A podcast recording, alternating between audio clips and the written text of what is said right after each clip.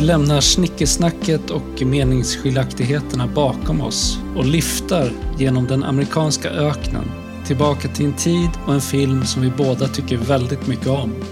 Nämligen The Hitcher från 1986. Och jag heter Andreas och med mig idag så har jag som vanligt Jonathan. Vi har alltså sett liftaren så många gånger och sen så, så liftar vi ändå genom, genom öknen. Jo, precis. Det är ironiskt, men alltså, vi har ju aldrig påstått att vi är särskilt klipska. Nej, precis. Och sen i och för sig så, så är det ju det är vi som liftar. Då. Det, det är inte, vi plockar inte upp några liftare. Och vi är två, så vi lyfter inte ensamma. Det ska man inte göra. Eh, hur är läget? Det är bra. Det, jag, jag pluggar på. Ja. Har ni sett något bra i plugget? Vi har sett eh, bland, eh, ja vi har sett mycket bra filmer men vi har sett två riktiga kanonfilmer de senaste veckorna faktiskt. Eh, förra veckan så såg vi, nu ska vi se, Wings of Desire eller Himmel över Berlin, alltså Wim Wenders film från Ja. 87 som var väldigt, väldigt bra. Den hade jag inte sett innan eller jag har bara sett Paris, Texas sen innan. Jag har sett den för länge sedan. När jag var i 20-årsåldern någon gång. Jag minns den som väldigt drömsk. Ja, definitivt. Verkligen. Det är väl den filmen som sedermera blev eh, en amerikansk remake i Änglarnas stad med Nicolas Cage och Meg Ryan. Ja, det hade jag ingen aning Jo. Jag skulle nog känna igen, nu ska vi se här. Ja, City of Angels ja. Sig, hur kan man komma på tanken att göra en remake på? Ja, det, remaken har ju väldigt lite med originalfilmen att göra, ska jag säga. Men det är så, det är så märkligt, så här, vad ska man tillföra? Ja. Liksom? Och, och det där med att så här, av alla filmer man vill försöka sälja in till en amerikansk publik som är korkad och inte förstår någonting, då, då tar man den. liksom. Ja, nej, det är, det är speciellt. Det finns många sådana där eh, val som har gjorts i filmhistorien som man inte riktigt kan förstå sig på. Hur liksom snacket har gått vid board meetings och så vidare för att det ska eh, komma till stånd. Nej, nej. Sen såg vi Chungking Express Ah, ja. igår. Ja, Som jag har sett innan och den är ju fantastisk. Och den var lika fantastisk nu som den var när jag såg den första gången. ja det är skitbra. Eh, har du sett mycket av Von Kar-wai? Inte så mycket av hans lite nyare filmer, men jag har sett en hyfsad, ett hyfsat antal av hans äldre filmer. Alltså In the Mood for Love såklart. Ja, helt otrolig film. Eh, ja, verkligen. Och sen eh, Fallen Angels, ST, nej, nu ska vi se, Days of Being Wild. Men jag, min absoluta favorit utöver Chungking Express är Happy Together från 1997. Ja, den har jag inte sett. Eh, Den är också fantastisk. Då ska jag se den. Eh, Men Wings of Desire, du hade bara sett Paris, Texas av Wim Wenders annars? Ja, precis. Eh, För att eh, jag har faktiskt tänkt föreslå att vi ska se en annan film av honom någon gång. Det har jag tänkt på ända sedan poddens begynnelse, men sen har jag aldrig blivit av att ta upp det. Men han gjorde en sån här riktig mastodontfilm som heter... Ja, jag, jag vet nog vilken du pratar om faktiskt. Ja, den heter typ eh, Until the End of the Earth.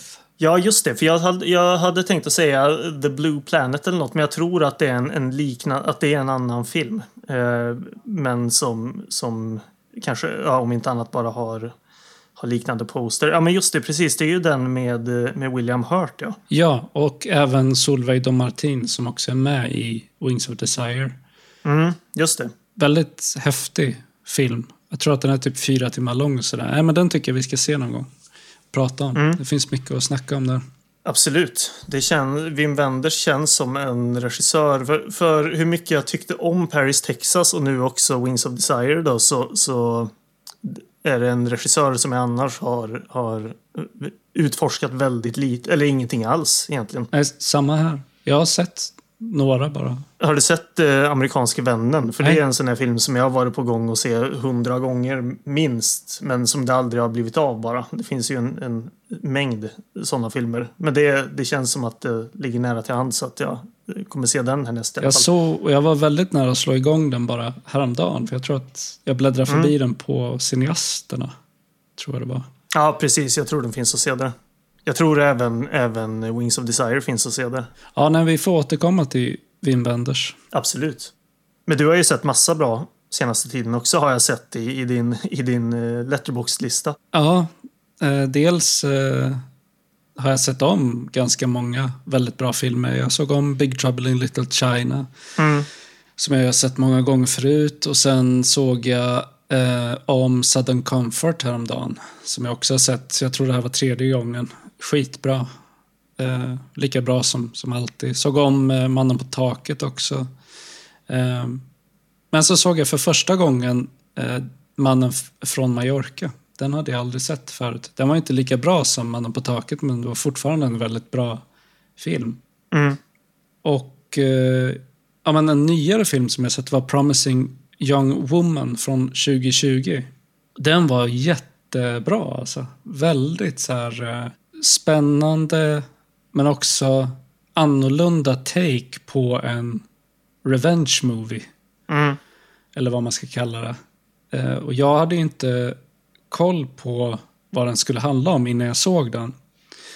Eh, så, så den överraskade mig flera gånger med, med så vändningar som jag inte alls förväntade mig skulle komma. Så det blir jag alltid glad över. Det, tyvärr så är det ju oftare så att man på förhand kan räkna ut precis vad som ska hända i en film eftersom man har sett så jävla många filmer så bara ja, man lär känna igen mönstren. Så det är alltid roligt när det är en film som överraskar en.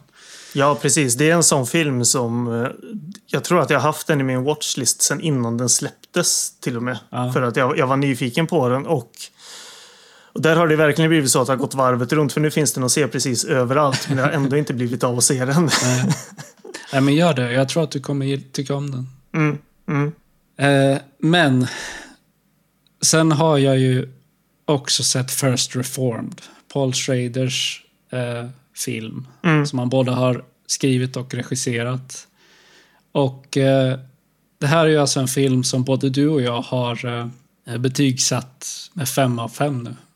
Och det händer inte särskilt ofta. Nej, definitivt inte för dig. Eller? Nej, nej, jag är väldigt återhållsam med mina femmor. Ja, det var ju väldigt kul för jag har ju pratat med, jag tror inte att det har varit med i något av avsnitten. Jag tror att det är eh, sånt material som ligger, vad säger man, ligger på lut inför ett kommande Rapport från rännstenen avsnitt. Men jag har ju pratat med väldigt varm, väldigt, väldigt varm om den här filmen tidigare.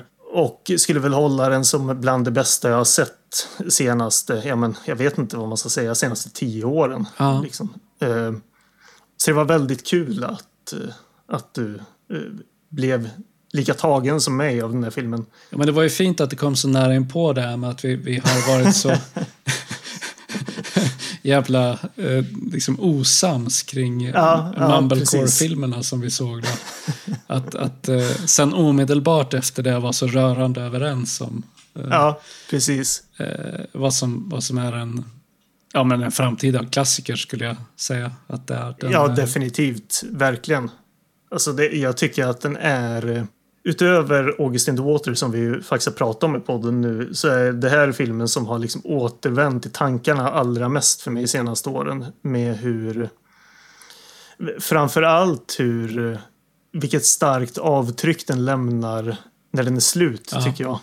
Eh, i, det är ju lite, vi, vi ska inte avslöja hur den slutar, men man kan ju säga att det är lite öppet för tolkning. Jag vet inte hur du tolkar Jo. slutet på den. Definitivt. Jag skulle säga att det är mycket i filmen som är öppet för tolkning. Ja. Eh, och det är det som, som gör den så fantastisk. Den har så många bottnar.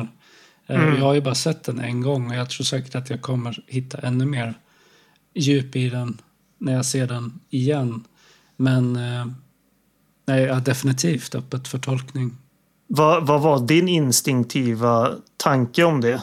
För jag vet ju vad, vad jag tänkte direkt när, när filmen var slut första gången och eh, hur man, hur man såg på det här. Om det eventuellt var, ja lyckligt är väl att ta i, men att om det är ett, ett positivt slut eller? Eh, det jag läste in i den här filmen var... Eh, alltså den har, den har väldigt starka paralleller till Taxi Driver som ju också är skriven av Paul Schrader. Just i, Oh ja, alltså det, jag tror att hela den trilogin han har släppt nu med First Reformed som första film är ju, är ju varianter på samma karaktär. Ja, verkligen. Den, den ensamme, eh, liksom. Den ensamme mannen som grubblar, om man ska uttrycka sig väldigt simplistiskt. Men, men det, är ju, det är ju varianter på samma karaktär som Travis Bickle var en gång i tiden. Precis. Vi ska ju inte spoila den alltså för att den, den är... eh, Man, man bör se den här filmen och gärna se den utan att ha för stor förkunskap kring den. Mm. Men jag, alltså för mig, eh, jag skulle säga att den handlar liksom om nutidsmänniskans existentiella kris och ett liksom desperat sökande efter mening. Ja, Eh, ja, definitivt. vilket bara förstärks av att det handlar om en präst då, som, som ansvarar för den här nedgångna landsortskyrkan. Eh, och, och den här kyrkans enda merit är att den är den äldsta kyrkan i stiftet. Eh, och det har ett liksom symboliskt värde för, för kyrkan eh, i vilket samfund den ingår. Men det är ingen som faktiskt bryr sig om att ta hand om den på riktigt. Utan den tjänar bara som att ja, men, inför jubileumsdagen så ska man lyfta fram den här kyrkan och då är det viktigt att orgeln ska funka. Men resten av tiden så är det liksom skit i samma. Precis, den står ju i skuggan av en, en megachurch Ja. som, som ligger inom samma stift som är en, en typisk sån här, ja vad ska man säga, det är den här typen av eh, Men så amerikansk frikyrka typ. Ja, alltså det, som, det, känns som att, det känns som att man går in i ett köpcentrum. Ja, jo men, Men det det är en alltså, kyrka. precis, Eh. kyrka som kommers. Religion ja, precis, som kommers. precis. Och den här lilla, lilla kyrkan står ju i direkt skugga till den. Och Och Ethan Hawks präst söker liksom mening. Eh, söker någonting att så här, haka fast i, någonting att existera för. Eh, ja, alltså det, i och med att han har tappat sin gudstro så Ja. hittar han ju något att haka i kan man ju säga. Hos en, en familj han träffar. Ja. Eh, där den unga mannen då som han eh, börjar konsultera har hamnat i en djup depression på grund av att han inte har något hopp om framtiden. Och det här på något Mm. sätt, samtalet med honom, det eh, ger eh, den här prästen en ny gnista. För att plötsligt så känner han att han har ett kall. Liksom. Mm. Att, ja, men nu ska jag hjälpa honom. Och sen händer det en massa saker då som vi inte ska avslöja som eh, komplicerar bilden av allt det här kan man, kan man säga. Ja, alltså vad som slog mig när jag såg den första gången och det här eh, sättet man, man filmar slutet och framförallt liksom slutscenen hur den klipps hårt till svart och den här otro, alltså otroliga musiken som, som ju är eh, liksom skriven och framförd av den, den legendariska dark ambient-artisten Lustmord. Eh, att det liksom klipps hårt till svart och det här liksom mardrömsmullret bara började så kunde jag, det enda jag kunde tänka var att vad som än hände här så är det inte bra alltså. Det, det är svårt att säga att det skulle sluta enskilt positivt eller negativt men, men jag tror inte att man kan se en, en utgång som eh, för den här enskilda karaktären var lycklig. Som jag vet att, att eh, andra har dragit. Ja. Eh, och jag är så nära nu att börja så här. Jag, jag vill verkligen prata om det här nu för att jag har ju tänkt jättemycket på det här slutet också. Men det här, det här är en ganska bra segway till eh, dagens tema faktiskt. Mm. Därför att First Reformed är ju eh, en film som väldigt många har sett, som väldigt många håller högt och eh, det är inte på något sätt en rännstensrulle. Eh, men det är en film som jag ändå väldigt gärna skulle vilja prata om. Ja, För att ja. det finns saker att sagt, snacka om. Liksom. Eh, och det leder oss in på, på filmen vi ska prata om idag som är The Hitcher. Som ju eh, är en kultklassiker. Alltså, Ja, folk som gillar film och framförallt genrefilm har ju sett den här filmen. Mm. Och eh, väldigt många tycker om den. Så det går liksom inte att drista sig till att kalla det här för en rännstensrulle. Så nu, vi, vi frångår ju lite grann poddens grundidé eller poddens koncept med att prata om den här. Men alltså jag har på det senaste tänkt ehm, att jag börjar känna mig lite begränsad mm. i vilka filmer vi kan prata om på grund av att vi har sånt fokus på ja, men just bortglömd och förbisedd film. Mm. Eh, vilket då leder till att det finns en jävla massa otroligt bra filmer som jag har jättemycket tankar och känslor om och för eh, som vi aldrig kommer fram till. Och jag skulle vilja hitta ett sätt att någon gång då och då få prata om de filmerna också. Ja, exakt. Eh, och det är ju, jag har ju känt likadant. Det, det dyker ju upp då och då att det är filmer som, ja, men det oftast för min del snarare är, hör till den här kategorin med filmer som lyftar en som, Mm. som kanske inte har en miljon loggningar men som är Ja, det- jag använde innan vi började spela in så sa jag omnipresent. Jag, jag Ja. har inte en översättning på det på rak arm. Men filmer som är, det kanske, de kanske inte har hur många loggningar som helst, Allestädes närvarande. det är filmer som för genrefilmsintresserade eh, intresserade är, vad sa du nu, allestädes. Allestädes närvarande. Precis. Det är filmer som alla har koll på helt enkelt. Men ibland så kan det ju dels vara kul för oss, men även vara kul för lyssnarna att vi faktiskt pratar om, om någonting vi verkligen tycker om också. Ja, precis. Och det här kommer ju inte bli, det här kommer ju vara mer undantag än regel, Ja. ska sägas, de här avsnitten. Poddens avsikt och det jag tycker är som allra roligast med den här podden är ju att hitta filmer som är bortglömda och förbisedda som, som kanske kan bli framtida klassiker, är väl kanske att ta i. Men filmer som vi tycker väldigt mycket om som är onödigt förbisedda. Men ibland som sagt så kan det ju vara kul att faktiskt prata om något man, man verkligen tycker om men som kanske inte är helt förbisett. Eh, och vad, vad jag också tänkte att det är inte som att, att våra kära lyssnare nu ska oroa sig för att vi i nästa avsnitt ska prata om Oppenheimer, tänker jag. Nej, precis. Eller Die Hard. Precis. Eh, Men att vi någon gång ibland, som i det här fallet till exempel, så när vi vill eh, fylla ut schemat för att få en, en logisk anledning till att ha halloween-månad i oktober, då kan man sticka in ett sånt här avsnitt med en, en film som kanske inte är speciellt bortglömd eller förbisedd, men som vi tycker väldigt mycket om och väldigt gärna vill prata om helt enkelt. Precis, och med, med eh, lite välvilja så kan man ju säga att uh, The Hitcher är en rännstensrulle i avseendet att uh, vi tycker att den förtjänar att ha inte bara en kultklassikerstatus utan en faktisk klassikerstatus. Och det kanske man kan säga att den, att den inte har då eftersom det är ju jag menar, vi har ju pratat om många andra filmer i podden som har betydligt fler loggningar än, Mm. än vad den här filmen har.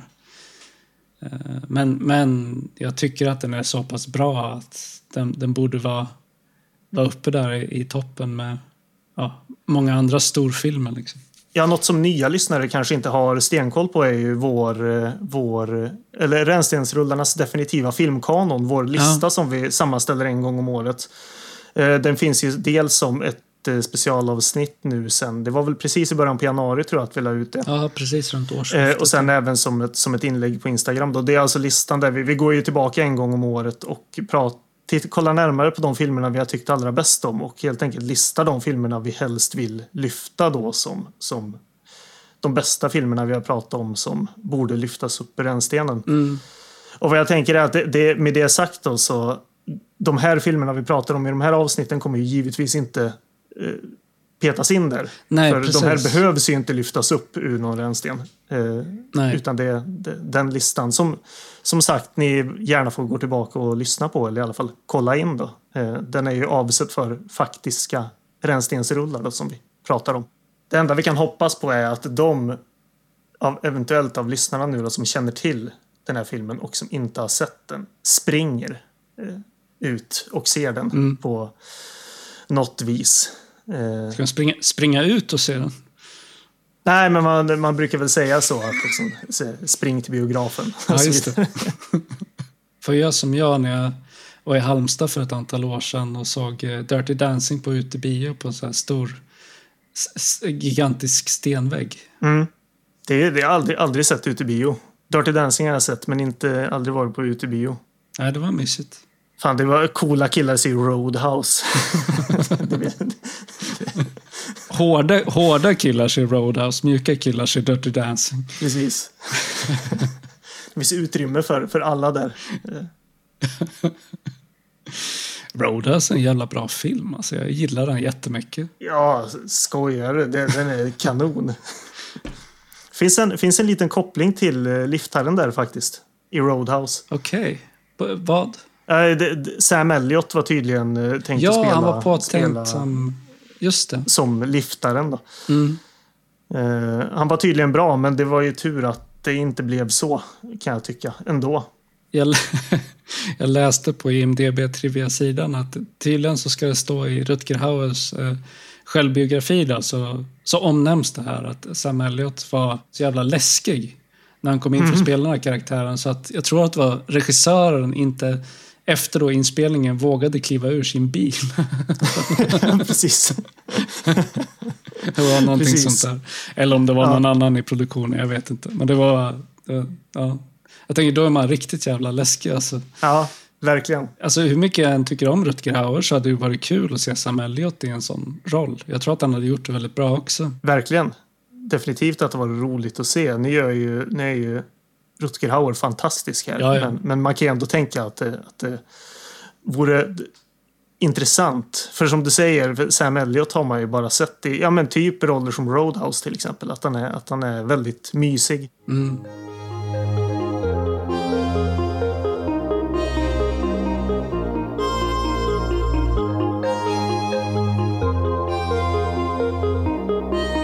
Ja, men antalet loggningar och betyg då. Eh, på IMDB så är det 51 000 personer som har loggat den och den har 7,2 av 10 i betyg. Och antalet loggningar och betyget på Letterboxd är 49 000 med ett betyg på 3,6 av 5.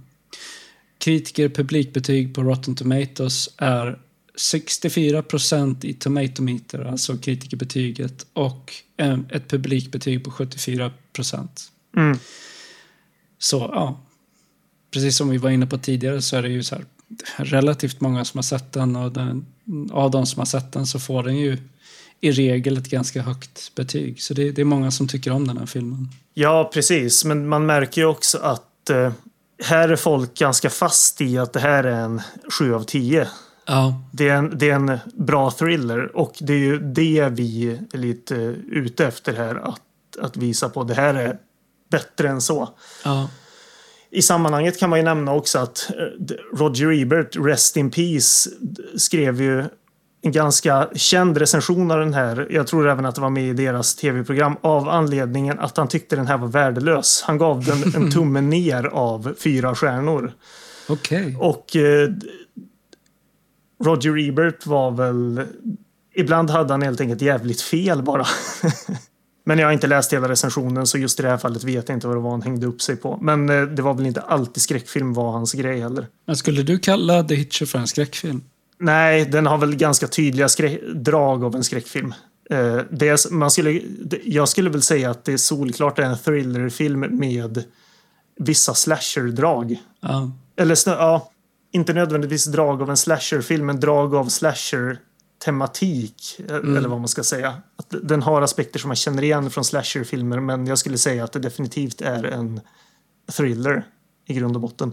vi kan ju plantera en flagga där och återkomma till det senare i, Mm. i samtalet. För att eh, eh, det är en bra poäng som du gör där med, med eh, att man verkligen kan se drag av slasher i den. Mm. Men vi kan ta det sen när vi börjar prata mer specifikt om, om eh, skeendena i filmen. Mm. Har du spontant någon eh, gissning på hur, eh, hur den här hör ihop med The Mountain, The River and the Road som vi pratade om i förra avsnittet? Nej, men jag tänkte på det tidigare idag och jag slogs av att, att är det jag som får the last laugh här? när du måste när du måste, måste uppehålla dig eh, en bra stund till vid eh, en film som du avskydde och, och en film som jag tycker mycket om. Ja, men det, var, det var faktiskt en ganska rolig uppgift att försöka Ja. eh, hitta en, Du har en lyckats antar jag? Ja, jag, jag har lyckats. Mm. Eh, Men det tog en stund faktiskt. Det, det var lite arbete den här gången. Six degrees of motion picture separation. A scientific experiment connecting all the movies in the world. Steg 1 är då The Mountain, The River and the Road. Där Joe Swanberg spelar en av huvudrollerna. Han är också med i filmen Joshi från 2016 som vi också nämnde i förra avsnittet. Mm. Eh, och i Joshi så spelar Paul Reiser en roll.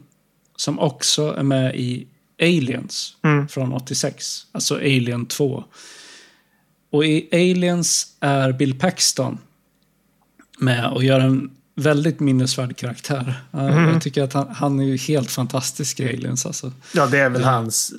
Det är ju hans stora roll på så sätt som man är liksom ihågkommen för. Ja, precis. Vi, ja, vi kan inte uppehålla oss vid den Nej, karaktären, nej. då kommer vi aldrig vidare. Men, Bill men Paxton han är- Aliens. Ja, asbra. Eh, och Bill Paxton är också med i Catherine Bigelows film Near Dark, där han också gör en så ikonisk karaktär. Mm. Och eh, Near Dark är skriven av Catherine Bigelow tillsammans med Eric Red, som också har skrivit manus för The Hitcher. Så där är kopplingen.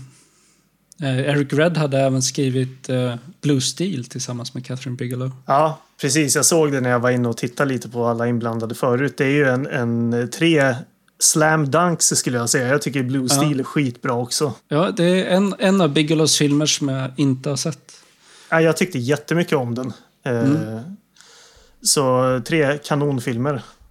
Det är både Ron Silver är med som jag gillar. Han är lite underskattad. Men Clancy Brown är med i Blue Steel också.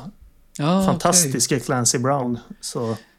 Ja, det senaste jag såg honom i var ju Promising Young Woman. Han är ju med där. jaha, okej. Spel- Spelar pappan till den här tjejen som det handlar om. Okej. En åldrad Clancy Brown. Det var jättekul att se honom i nyare film. Liksom. Mm.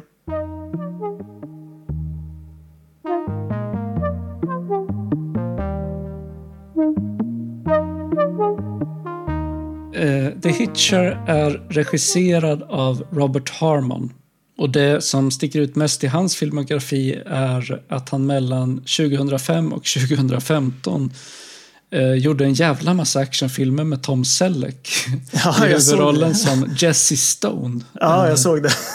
En actionhjälte som i alla fall jag aldrig hört talas om tidigare. Nej, jag gjorde ingen närmare research på det där. Jag vet inte om Jesse Stone är någon sån här eh, bokserie i stil med... eh, Typ vad som Jack han? Ryan. Ja, precis. Eller Jack Reacher tänkte jag på. Jag har ingen aning om Ja, det. ja det- jag, jag menade Jack Men, Reacher. Ja, men Jack. Ryan är ju, det, det är ju även han en, en långt gående liksom, eh, bokhuvudkaraktär. Nej, men det, jag, jag vet inte om det är något sånt eller om, om Jesse Stone bara är en direkt till video actionhjälte. Men väldigt många filmer såg jag. Ja, jag visste inte ens att Tom Selleck spelade actionkaraktärer så sent som 2015. Nej, jag, jag vet ju, jag känner ju till den där serien Blue Bloods som han var med i. Eh, bara, men nej, jag hade ingen koll på det alls. Nej, jag tittade, jag klickade runt lite på Robert Harmon också. Han hade gjort liksom ganska spretigt eh, verk, verksförteckning och ganska lite grejer överlag. Alltså han har gjort den här filmen Nowhere to Run med Van Damme då. Eh, som, ja jag vet inte, tydligen, den ska väl vara okej. Den är ju skru, skriven kul nog av Joe Westerhaus då, eh, Basic Instinct och så vidare. Erotiska thriller-kungen som jag skrev här. eh, men han har även regisserat skräckfilmen They från 2002 som jag har varit nyfiken på länge. Eh, Det är en sån här poster jag har stött på då och då. Så jag har varit lite sugen på den men inte blivit av att se. Eh, Men en, som sagt, väldigt lite grejer. Jag vet inte vad som hände med Robert Harmon. Nej, alltså att döma av hans IMDB-sida så verkar han ha börjat som stillbildsfotograf Aha, ja. i filmer. Eh, bland annat så var han, eh, han är creditad som eh, stillbildsfotograf i Tourist Trap från 79. Mhm, En av mm, så här Charles Band-produktion. mm. Eh, och flera andra filmer innan han, han har sin första liksom, regi-credit. Så. Mm. Nej, men på senare år så verkar det ju vara mest de här Tom Selleck-filmerna som han har gjort. De kanske har gått skitbra. Ja. Så, Ja. Manus är som sagt skrivet av Eric Red. Och eh, ja, men som jag sa tidigare då, så har han ju bland annat jobbat med Catherine Bigelow. Mm. Och skrivit manus till Near Dark och Blue Steel. Um, hade, så, hade du någonting annat om honom? nej, det var de tre som, som var... Han hade ju skrivit ganska lite också. Förutom de här tre riktiga kanonfilmerna och ett gäng andra som jag aldrig hade hört talas om. Nej, nej men exakt, det var samma för mig också. Eh, fotot måste vi prata om här. För att eh, det är en väldigt viktig beståndsdel i varför den här filmen är så fantastiskt bra. Eh, det är John Seal som eh, var filmfotograf. Han är en väldigt namnkunnig filmfotograf eller cinematograf som arbetat på storfilmer som Mad Max Fury Road, Harry Potter och De vise sten. Tillbaka till Cold Mountain, The Perfect Storm, Talented Mr Ripley, Firman och mycket annat. Mm. Eh, jag såg också att han var filmfotograf i Stakeout. Ja, jag såg det jag också. Eller Spanarna då från 1987 som var den allra första filmen vi pratade om i vårt allra första avsnitt. För Ja. precis två år sedan. Ja. Inte, inte en av filmerna från, från de två första avsnitten som jag är jättesugen på att se om. Eh, Nej. Jag kom att tänka på, det, på tal om det, så jag tänkte på Alien Nation igår igen. Den är jag sugen på att se om, men Spanarna, den lämnar jag därhän. Ja, ja, det räckte med att se den en gång. Ja, Den hade väl ett antal sådär roliga scener men som, som helhet betraktat så var det ingen vidare bra film. man kan lyssna på soundtracket. Som med så Ja. många filmer vi har pratat om så, så kan man i alla fall lyssna på soundtracket. Ja, vad var den? Is it love? Nej. Is it love, is it love? Ja, precis. Mr. da, da, da. Ja. Just det. Ja, nej, skitbra låt. Eh, Och många andra bra låtar i den också. Det var väl där som eh, Steve Winwoods låt eh, var Mm. med också. Precis. Inte Valerie, utan eh, vad heter den? Hans andra stora hit. Ja, vad fan heter den? Nu får jag kolla upp det. Ja, men är det inte den där... Hi- Higher Love, det Ja, eller? Nej. precis. precis. Jo, Jo, jag, ja. Det var precis eh, den jag skulle börja nynna på, så det, jag kom på det till slut. Eh, men fotot i The Hitcher är ju också i perfekt symbios med filmmusiken. Mm. Som är gjord av Mark Isham. Och han har gjort musik till typ 200 filmer och tv-serier. Mm. Eh, Men den senaste filmen han gjorde musik till var The Unbearable Weight of Massive Talent med Nicolas Cage. En väldigt härlig film. Jag såg den för inte alls så länge sedan. Den är Mm. verkligen sevärd. Men utöver den så har han gjort musik till Blade, Point Break, Time Cop, tv-serien The Mist och en massa annat. Mm. Jag har eh, två filmer jag vill plocka upp det lite grann som, eh, som jag blev lite nyfiken på. Dels så har han gjort musiken till filmen The Beast of War från 1988. Som är en, en ganska tidig film av Kevin Reynolds som senare då samarbetar jättemycket med Kevin Costner på Prince of Thieves och så vidare. Eh, Den här The Beast of War handlar om ett sovjetiskt pansarvagnskompani som tappar bort sig i Afghanistan under kriget. Och Jason Patrick var med i den här bland annat. Den såg jävligt cool ut. Eh, framförallt så ska jag skicka postern till den åt er på Discord. Som går upp, rakt upp i topplistan för de coolaste affischerna genom alla tider. Ska jag beskriva vad jag ser då? Mm. Ja, den är riktigt snygg. Det är, eh, det är en målning va? Visst är det Ja, precis. Med en pansarvagn i bakgrunden och sen en soldat som står med geväret framför. Mm. Eh, ja, den är skitsnygg. Verkligen. Den där skulle man kunna ha på väggen. Eller kanske li lite för våldsam för det, men Nej, det är mäktigt. ja, det är mäktigt. Okej. Nej, men den här filmen verkar eh, också kunna gå att hyra eh, ganska enkelt på, på eh, alltså, typ Blockbuster och sådär. Så den här verkar bara vara att se. Så den, den ska jag definitivt kolla in. Aldrig hört talas om. Nej, inte jag heller tills nu då. Men sen så vet jag inte om du såg det, men Mark Isham har gjort musik till en svensk dokumentär också från 1993 som heter De fyras gäng. Ah, nej, såg jag inte. Eh, regisserad av Annika Hagström. Och det här verkar vara någon slags politisk dokumentär om tidiga framstående kvinnliga politiker. Men det var någon mer research än så gjorde jag inte. Men det, det stack ut när man såg en affisch som det stod Det fyras gäng på. men ja, annars var det inget som jag, som jag stack ut där. Eh, skådespelarna, det är en ganska liten ensemble Mm. i den här filmen. Eh, till att börja med så har vi ju Rutger Hauer då. Som spelar eh, den här liftaren, mördaren. Den skitläske psykopaten John Ryder. Mm. Och eh, jag, jag var intresserad av att se hur många filmer Rutger Hauer faktiskt var med i. Och enligt IMDB så är det 121 stycken, alltså bara filmer. Det är, det är så borträknat alla andra typer av produktioner som han har varit med i. Så bara rena filmer, 121 stycken. Eh, och eh, här kan man snacka om att det är en filmografi som består av både högt och lågt. ja, definitivt. Jag tycker att en av anledningarna till varför han är en så intressant skådespelare eh, är ju just för att han är så otroligt skicklig. Mm. Han är en så actors actor. Men att han trots det har spelat i en sån jävla massa skräpfilmer. ja, precis.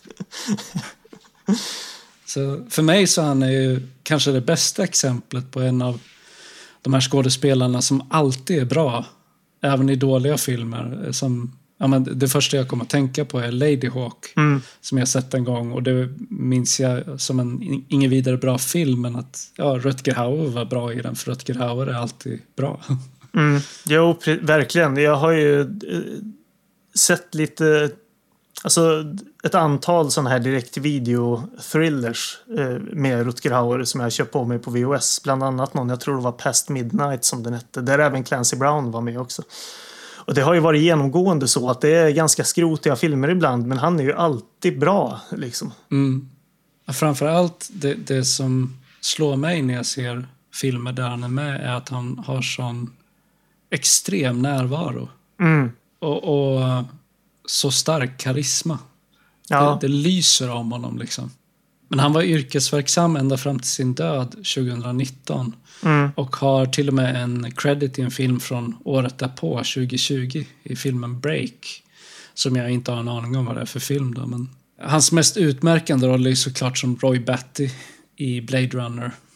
eh, Som vi ju båda tycker är helt fantastiskt. Ja. Ytterligare ett väldigt bra exempel på en film som vi inte kan prata om i podden. På, på grund av att den har redan har klassikerstatus och att eh, det faktum att så många har sett den och älskar den. Det är Mm. liksom Mm. den direkta motsatsen till en rännstensrulle. Mm. Men en film som vi båda skulle ha mycket att säga om, om vi faktiskt pratade om den. Ja, verkligen. Jag tänker med, med Rutger Hauer också att eh, vi kommer återkomma till honom inom en inte allt för lång tid. Eller vad man ska Mm. säga, inom en hyfsat snar framtid eh, kan vi avslöja. Det här blir ju lite uppvärmning inför, nu vet jag inte riktigt när det blir, men, men vi ska ju hänge oss lite grann åt Rutger Hauer eh, framöver. Eh, så om vi, inte, om vi inte gör några jättedjupdykningar i hans karriär nu så, så kommer vi göra det eh, hyfsat snart. Ja.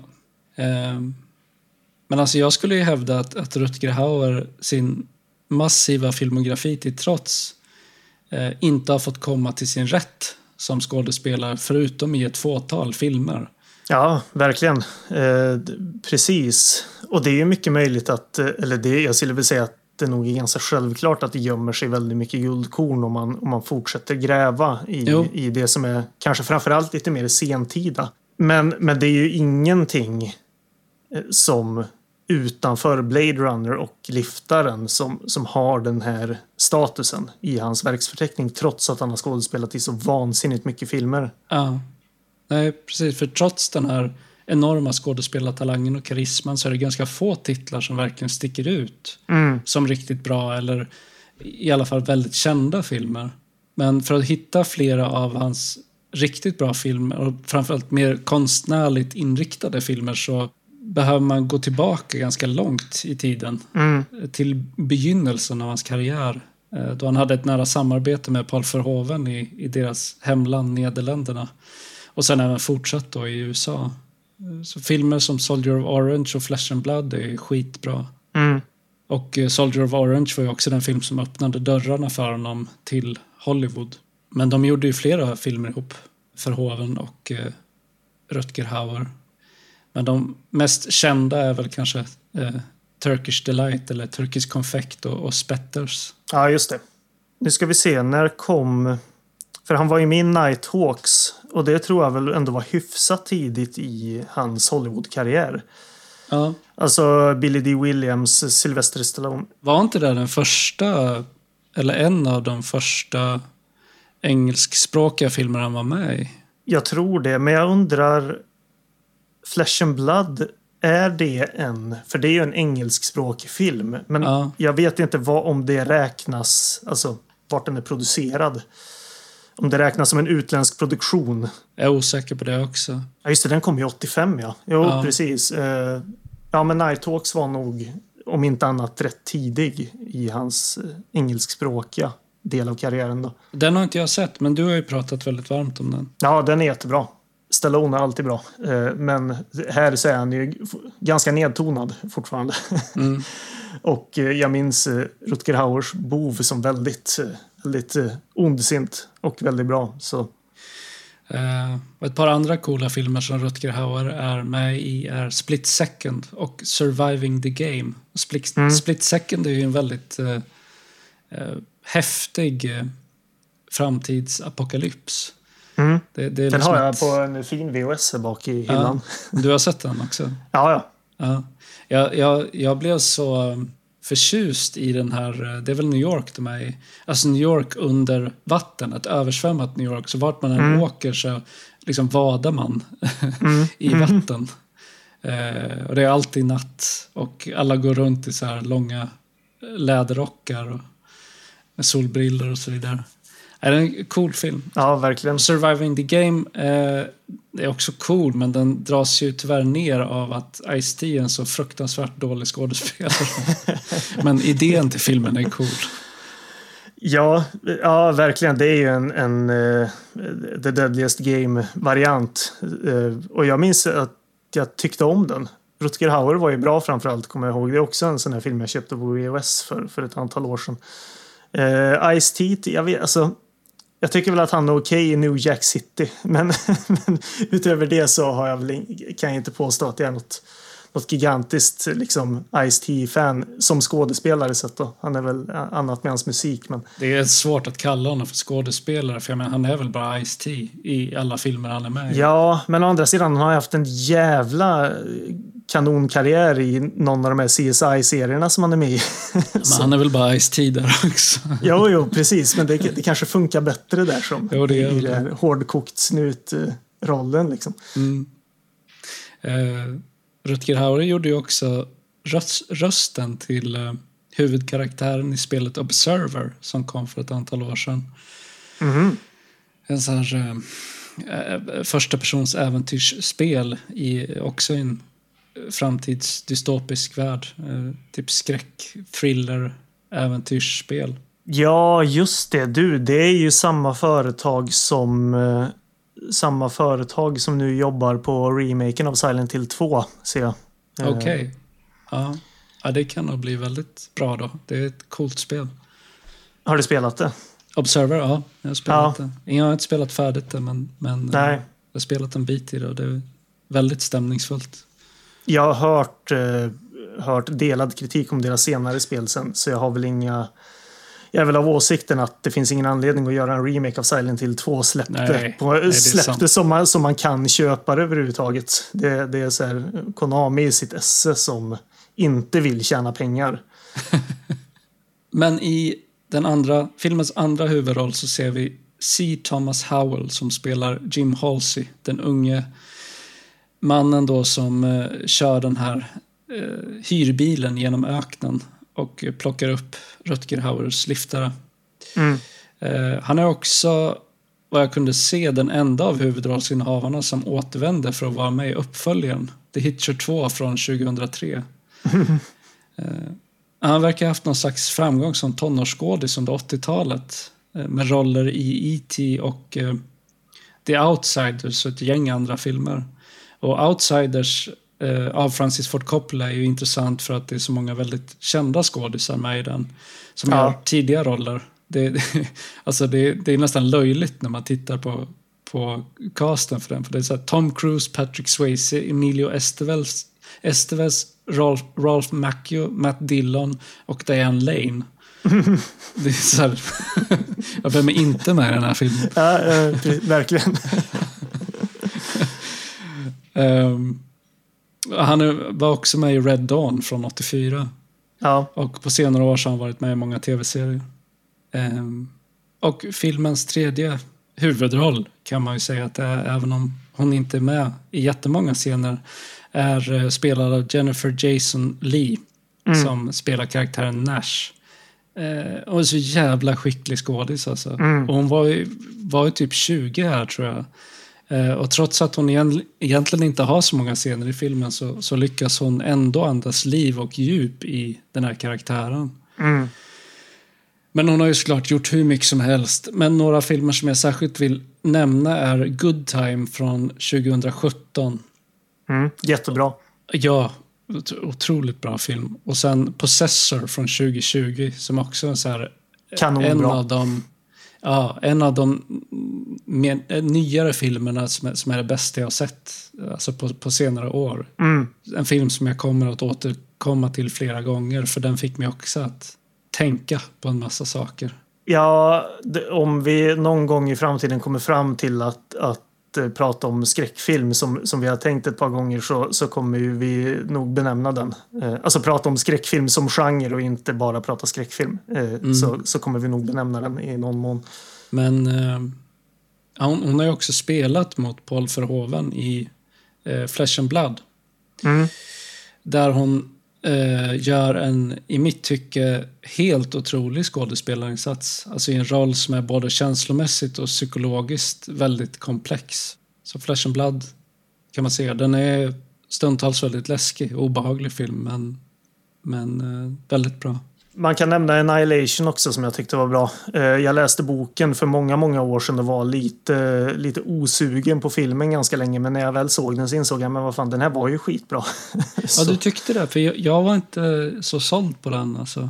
Nej, alltså det är mycket bitar som eh, definitivt gjordes bättre i boken. Bland annat framförallt slutet skulle jag säga. Men jag tyckte den var deprimerande på ett väldigt positivt sätt. På samma sätt som boken också var.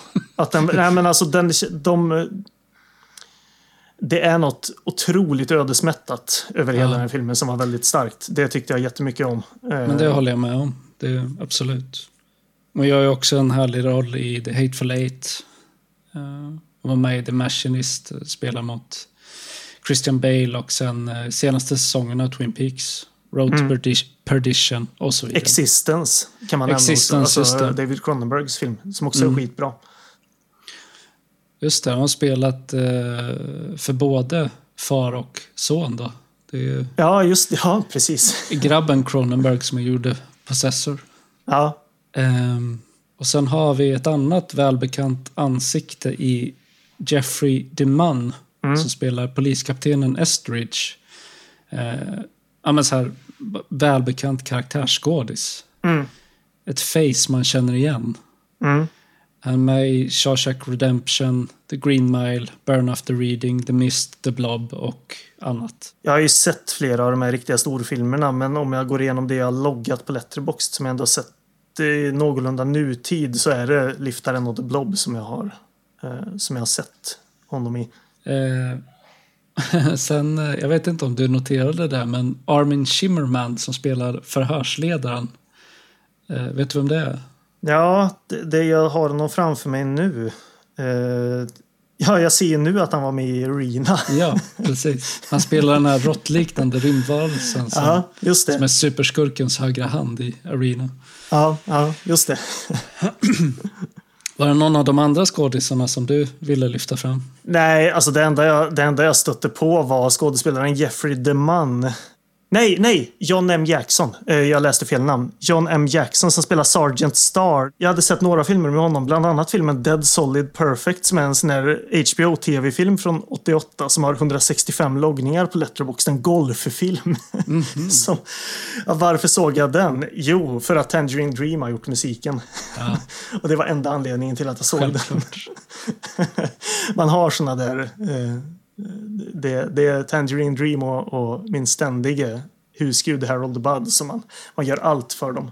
Hur funkar det ihop, Golf och Tangerine Dream? Det, det låter inte som en, en given kombo. Nej, men de, de, eh, de kan göra mer än bara så här, tunga syntmattor. Det är ju Ja. synt såklart, men det är, det är liksom poppigare synt. Så de gjorde väldigt mycket väldigt bra. Eh, Men det, det kanske inte är deras starkaste eh, filmmusik. Nej, inte deras starkaste swing, så att säga. Nej, nej, precis. Det är, fan, det är, det är ordvits nummer två. Det blir det fler, kanske. Har vi någon recension på den här? Vi har ju det. Nu jävlar är det åter till ordning här. Vi har en svensk VOS som jag håller i handen och vi har en recension av Bonniers. Ja, vad skönt. Som jag nu ska läsa. Äntligen. Nu ska jag bara bläddra fram den här.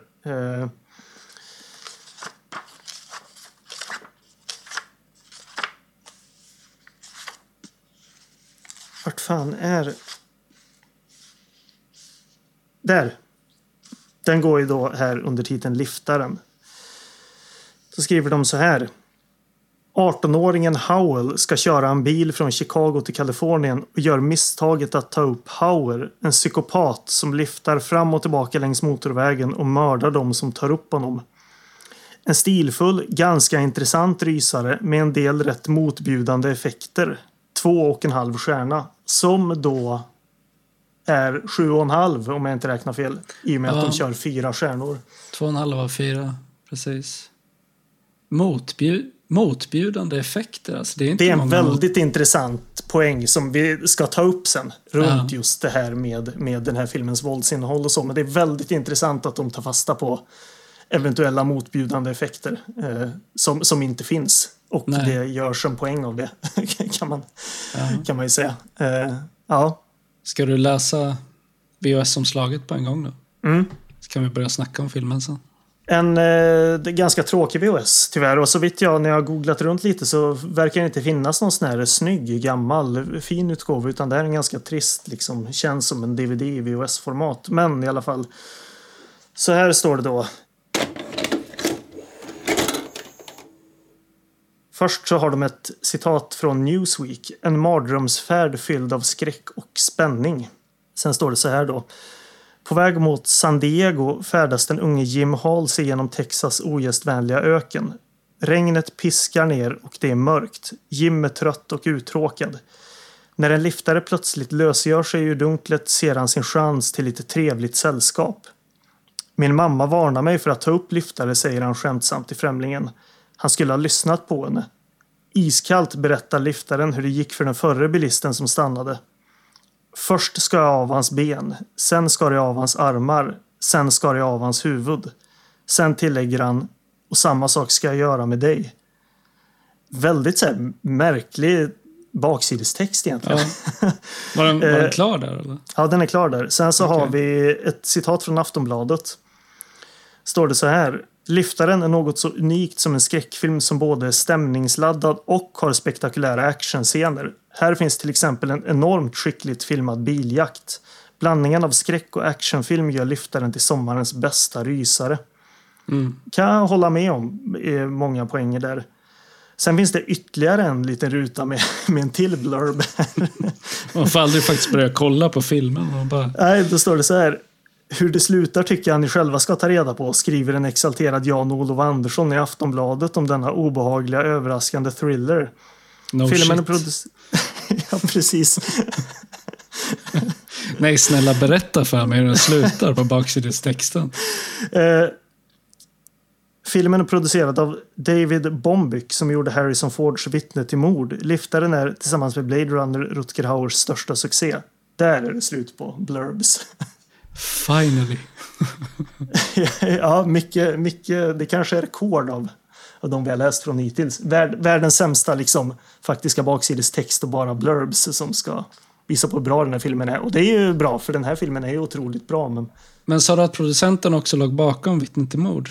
ja, men han har väl producerat den någon, alltså i... i, i Jo, men det, det är intressant just för att John Seal, alltså filmfoto, han var också filmfotograf för Vittne till mord med Harrison Ford. mm.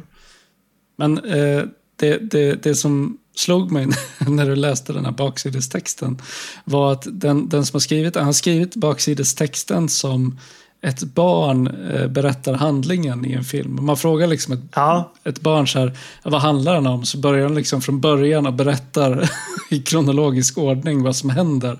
ja Eh, en, precis. En blandning av det och när, eh, när tre 13-åringar står på skolgården och en av dem har sett liftaren på tv kvällen innan och de ska beskriva de mäktigaste grejerna. Ja, liksom. ja.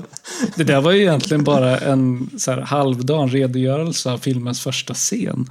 Ja, precis. ja, men det räcker. Och sen säger han så här. Och, och, och då säger, när han, han säger så här då. Och så svarar han. Och, han, och sen bara tittar han på honom. Ah, Han blir skiträdd. Ja, och sen, sen efter halva skoldagen så, så är det snarare att ah, han skar av huvudet på honom. Så, det, Precis. ja, så det, det, det låter mer som något sånt där. Det är så många filmer som jag hade en betydligt hemskare version av i min fantasi innan jag såg dem på grund av just komp hur kompisar har beskrivit dem för mig när de såg dem när de var alldeles för unga. Liksom. Mm. Mortal Kombat var en sån film. Jag trodde att den skulle vara så här, gud vad fan, det här kommer vara hemskt. Liksom. Mm. Die Hard var en annan sån film. Som så här, jag- trodde att det bara skulle vara massaker. Alltså, och det är det väl i viss mån, men det är, det är Ja. liksom underhållningsvåld. Eh, Det, är, det är inte läskigt. Mm. Ja, Jag, minns att, jag minns att det var mycket prat när Starship Troopers hade gått på tv. ja just det. Pratade vi om.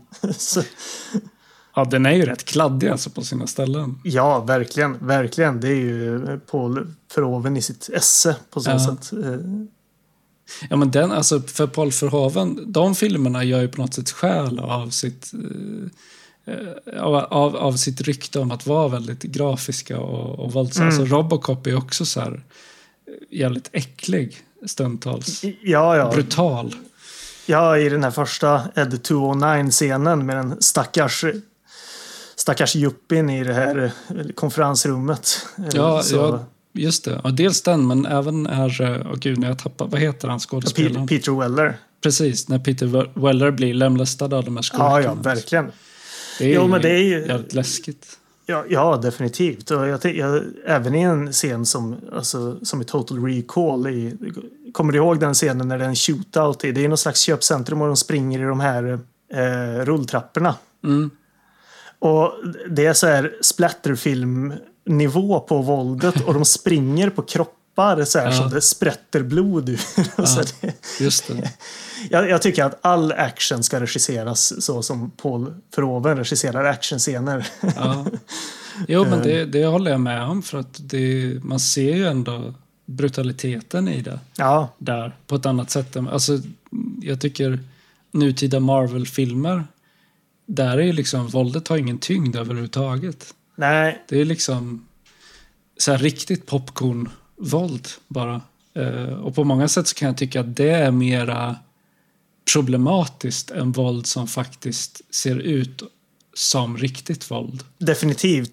Det är väl mer eh, skadligt att framställa våld och liksom eh, vapenvåld som något som man kan walk off Ja, precis. lite grann. Och att, Ja. att man kan skjuta någon med ett hagelgevär i magen och det enda som händer är att man flyger in i en vägg. Eh, Ja. Det finns ju något, något mer problematiskt som du säger i det än att faktiskt visa, visa våld i någon mån som, som det, ja, realistiskt eller inte, men att man ändå visar på våld är kladdigt.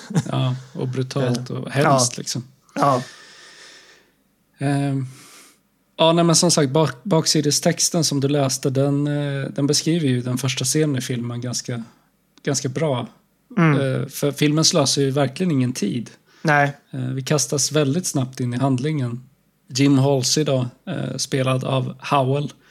Eh, Jag tänkte på det förresten, att eh, det blir lite svårt att prata om Howell och Hauer. ja. Jag snubblar på det. Men eh, ja. Howells karaktär då, Jim Halsey, åker genom den amerikanska öknen. Han håller på att somna vid ratten och för att hålla sig vaken så plockar han upp en liftare som snart visar sig vara en modisk galning. Mm.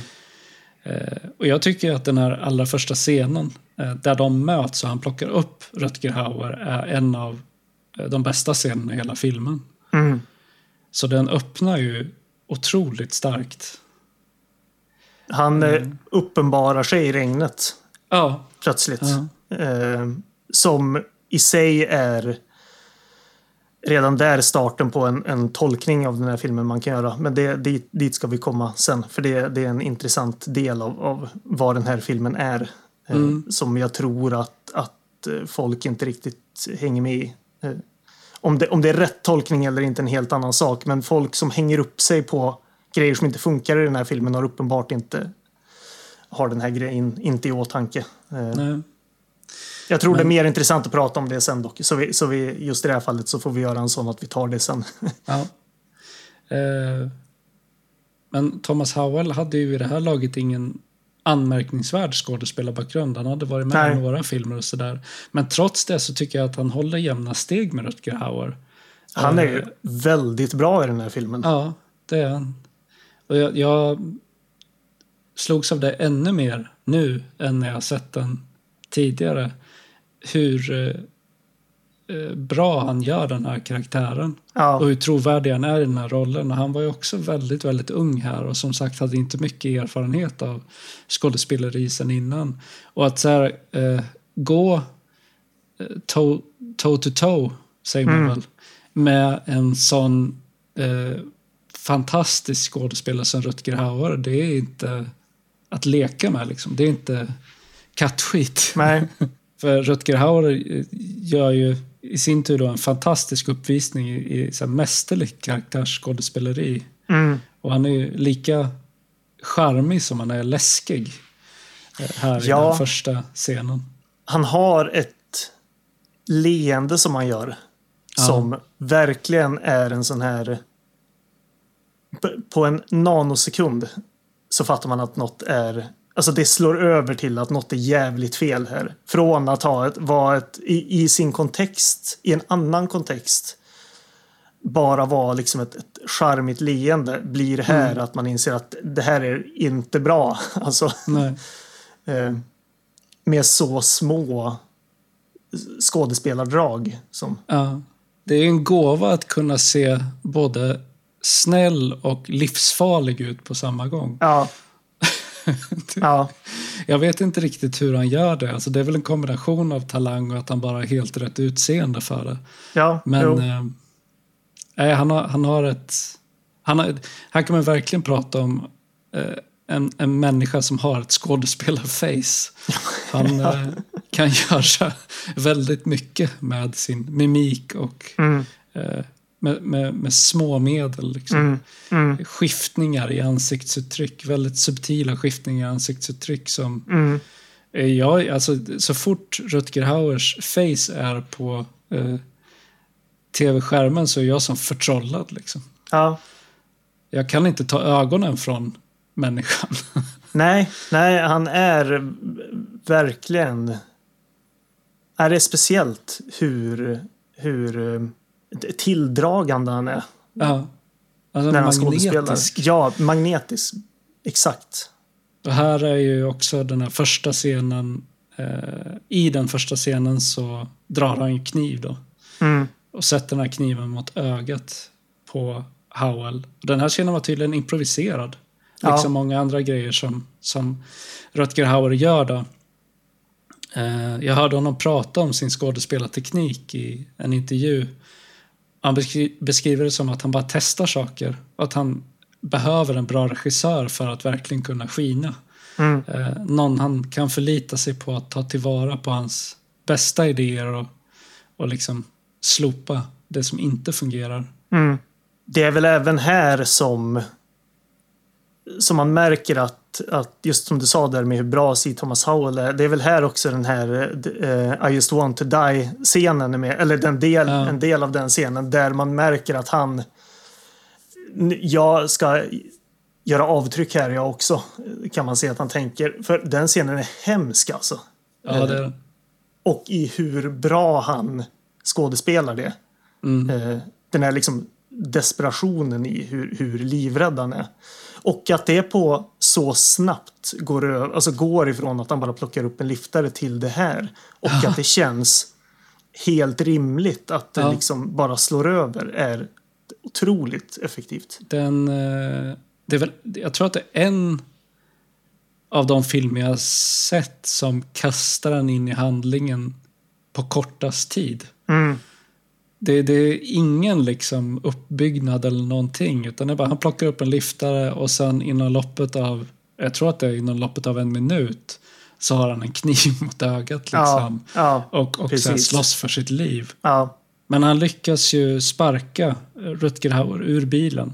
Ja, för de kör ju förbi den här vita bubblan som, Ja, som han har precis. blivit omkörd av tidigare. Och det här sker ju innan han drar kniv, Hauer. För, för då, då beskriver han just där att han skar av benen och armarna på, på den som körde bilen. Och då, då är det ju mest ett sjukt skämt för C. Thomas Howell. Ja. Och, och sen då, som sagt, under en väldigt kort period så märker man det kanske inte är ett skämt. Jag måste bli av med honom. Och som du säger, då, han lyckas ju spa- sparka honom ur bilen sen. Och tror att faran är över. Ja, han tar ju ut segern i förskott. Mm. Han, den här skräcken förbyts ju i triumf och han firar liksom. Mm. Eh, för att han tror att han har lyckats undkomma med nöd och näppe. Eh, och sen kommer ju en, en, av de en av de snyggaste scenerna i hela filmen. När eh, Rutger Hauer ligger på den här öde eh, ökenvägen och kameran zoomar in samtidigt som han eh, reser sig upp.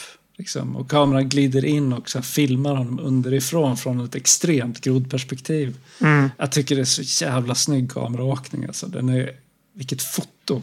Ja, verkligen. Det, det är otroligt bra. Tydligen så var det eh, John Seal själv som, vad jag förstod, om, om jag fattar rätt så låg han på eh, några sandsäckar med kameran liksom. Så några puttade honom på de här sandsäckarna fram Mm. mot Rutger Hauer medan Hauer då eh, synkroniserat reste sig upp och sen för att sluta med kameran direkt under sig. Mm. Eh, men jag, alltså, jag älskar ju sånt där. Ja, ja. Samma här. Samma här. Eh, och det här funkar väl också, den här kamerainzoomningen och eh, liksom Rutger Hauers väldigt dramatiska sätt att ställa sig upp på eh, fungerar väl också som en slags, eh, vad ska man säga, ja, men att han här bestämmer sig för att Howells är hans rättmätige motståndare. Ja, Eh, precis. Spelet är igång Ja, härifrån. Precis. Sen så är vi tillbaka med Howell i bilen. Och eh, han, han blir omkörd av en eh, familjebil som, som Mm. drar en, eh, en, en liten motorbåt efter sig. Och det är eh, två små barn som sitter i baksätet och vinkar åt honom och skjuter på honom med en leksakspistol och sådär. Först så vinkar han tillbaka och eh, ler åt dem och så plötsligt dyker Rutger Hauer upp i baksätet bakom eh, ett gosedjur. Det är väl en sån Ja. gosedjursdinosaurie om jag minns rätt. Mm. Och Mm. flinar eh, väldigt eh, busigt skulle jag säga. Ja. Ja, Ut genom bakrutan mot Howell då. Och Howell genast får ju panik för han inser Mm. att den här familjen är i livsfara. Så han kör upp jämsides med dem och skriker åt dem att ni har en galning i bilen, ni måste stanna nu, ni måste sparka ut honom. Liksom. Men sen är han nära att krocka med en lastbil så han får sladd på bilen och eh, hamnar på efterkälken. Och sen när han väl hinner ikapp dem igen, då står bilen övergiven. mm. Eller inte övergiven, den står stilla efter vägen och när han kommer fram till den så upptäcker han att hela den här familjen då har blivit brutalt mördad. Ja, precis. Och jag vet inte om det är de här scenerna de avser med de här, nu minns jag inte exakt vad de skrev då, men med de äckliga effekterna. För det här är ju inte en effekt. Man får inte se någonting. Alltså man ser bara hans reaktion på Ja, vad han ser. Precis. Eh, Så jag vet inte om det är det här de menar med skulle vara, vara liksom onödiga effekter. Men för, för jag, jag tycker det här görs väldigt effektivt. Eh, och jag skulle säga att jag är i tron att kanske inte alla men ganska många som menar på just det här att det alltid är otäckare att inte se våld på film. Mm. Eh, kanske egentligen nog bara tycker att det är lite för otäckt och inte vågar se våld på film.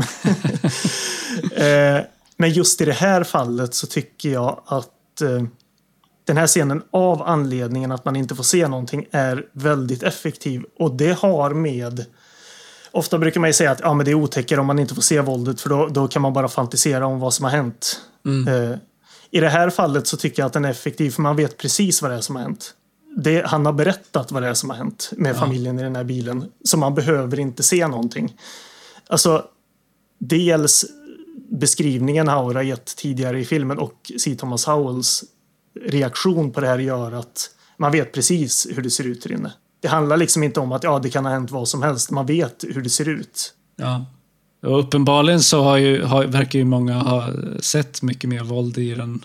Trots att den inte alls är grafisk. Så. Det kanske är, är Motorsågsmassakern-grejen då. Att man, man tänker att man, man tror att filmen har varit våldsammare än vad den egentligen har varit. Speciellt om en tid har gått in emellan. Tydligen skulle ju tidigare manusversioner vara mer våldsamma. Ja. Eh, än vad filmen egentligen blev då. Eh, Det, det är, om jag förstod det rätt, framförallt Gore som är bortkapat. Mm. Gore och sex. Det var, det var Just det, menat det var att någon det var en sexscen, ja. också. Det var ju för väl att de klippte bort den. Det På hade, tal om saker som inte hade Ah, tillfört någonting. nej, nej, det hade bara gjort filmen sämre faktiskt. Det hade känts otroligt osmakligt. Ja, Att mitt i den här eh, som becksvarta psykologiska thrillern ka- kasta in en helt omotiverad sexscen. ja, ja. Men eh, ja, nej, så det var bra att de valde bort det i slutändan. Men du, du, du nämnde där att, att Rutger Hauer i baksätet på, baksätet på den här bilen nästan ser lite så busig ut. Och det Ja. tycker jag är en poäng att göra egentligen för hela ja, första delen av den här filmen. För det är uppenbart att han leker ju med C. Thomas Howell här. Det är, ibland så ser han nästan lite, lite uttråkad ut. För, för det, är som, det är uppenbart att ja, det är ju en katt och råtta-lek i begrepp- begreppets rätta bemärkelse på så sätt att han, han leker med honom utan några som helst problem under den här första delen av filmen. Eh, vilket sen utvecklas till något lite annat. Då. Men, men här märker man att vem det är som har övertaget hela tiden. Mm. Eh, och C. Thomas Howell blir ju liksom gång på gång ba, bara... Han hinner ikapp honom och blir förföljd av honom helt enkelt. Ja. Eh, och han är ju inte längre ute efter att döda honom. Nej, Åtminstone inte att bara döda honom. Om han i första scenen, alltså om, om Howell inte lyckats sparka honom ur bilen så hade han bara gått samma ödes till mötes som alla andra eh, som plockat upp Rutger Hauer längs den här ökenvägen. Då. Det vill säga att han bara han har ihjäl dem. Liksom. Skoningslöst. Men eftersom han lyckats övermanna honom så är det som att den här galningen då bestämmer sig för att ja, men som jag sa, att han, det, det här är hans rättmätiga motståndare. Och då är det som att han använder eh, alla andra som dyker upp längs den här vägen som eh, brickor i ett spel för att komma åt Howell. Eh, ja, och, och, och de ställen de passerar blir bara som en kuliss för deras kamp då. Medan Howell inte till att börja med åtminstone förstår vad fan det är som pågår och vad, vad, vad han vill liksom. Ja, alltså vi har missat en extremt viktig poäng tror jag. Eh, något som kommer upp tidigare. Jag tror att, att han säger det också under den här första bilfärden. Men det är ju Rutger Hauer säger ju på frågan så varför han gör det här. I want you to stop me. Mm. Eh, och det är ju ja, men den grundläggande poängen för hela den här filmen. Ja, Eh, vad han är ute efter. Och vad målet med, med allt det här är. För Rutger Hauers karaktär. ja. Och man vet inte varför han är ute efter att hitta någon som kan stoppa honom. Om det är för att han någonstans vet att han liksom behöver bli stoppad för att han gör människor så illa för att han är en, ett monster. Eller om han, jag vet inte, ändå är på väg att dö på grund av någon sjukdom och att han vill gå ut eh, with a bang, så att Ja, säga. vi, vi, man, man vi, vet vi, inte. kanske, vi kanske ska ta den här diskussionen nu då. Det blir väl lite orent i och med att vi inte har pratat om resten av filmen. Men det, en, jag vet inte om jag läste den här tolkningen. Jag har sett den här filmen tre gånger. Jag kommer inte ihåg vad jag drog, tog, hur jag tolkade den första gången jag såg den. Mm. Men jag tror att jag redan hade läst den här tolkningen innan jag såg den andra gången. Tror du att Rutger Hauer är mänsklig i någon Alltså, mån? jag, För jag, jag, tror, jag tycker att det är en, en regelrätt tolkning att göra. Att han förmodligen är ett slags väsen som, som hånts den här motorvägen. Och söker efter en, en utmanare som kan döda honom. Mm. Eh, jo, men absolut. Berättelsen liknar ju en vandringssägen. Ja, Eh, den har med väldigt mytologiska förtecken. Så Howards karaktär är ju som en så jäckande vålnad. ja Eh, precis. sam, samtidigt som, som han inhyser så många liksom, mänskliga egenskaper och karaktärsdrag i den här karaktären att han ändå eh, verkar vara en människa av kött och blod. Mm. Men absolut, alltså det är väldigt mycket av filmens handling sker ju utanför kameran. För han lyckas ju dyka upp överallt. Han lyckas med omöjliga saker. Att nästla sig in i, på ställen där han inte borde kunna nästla sig in. När, Eh. när räddning är i sikte Ja, så är det som att han förstår det.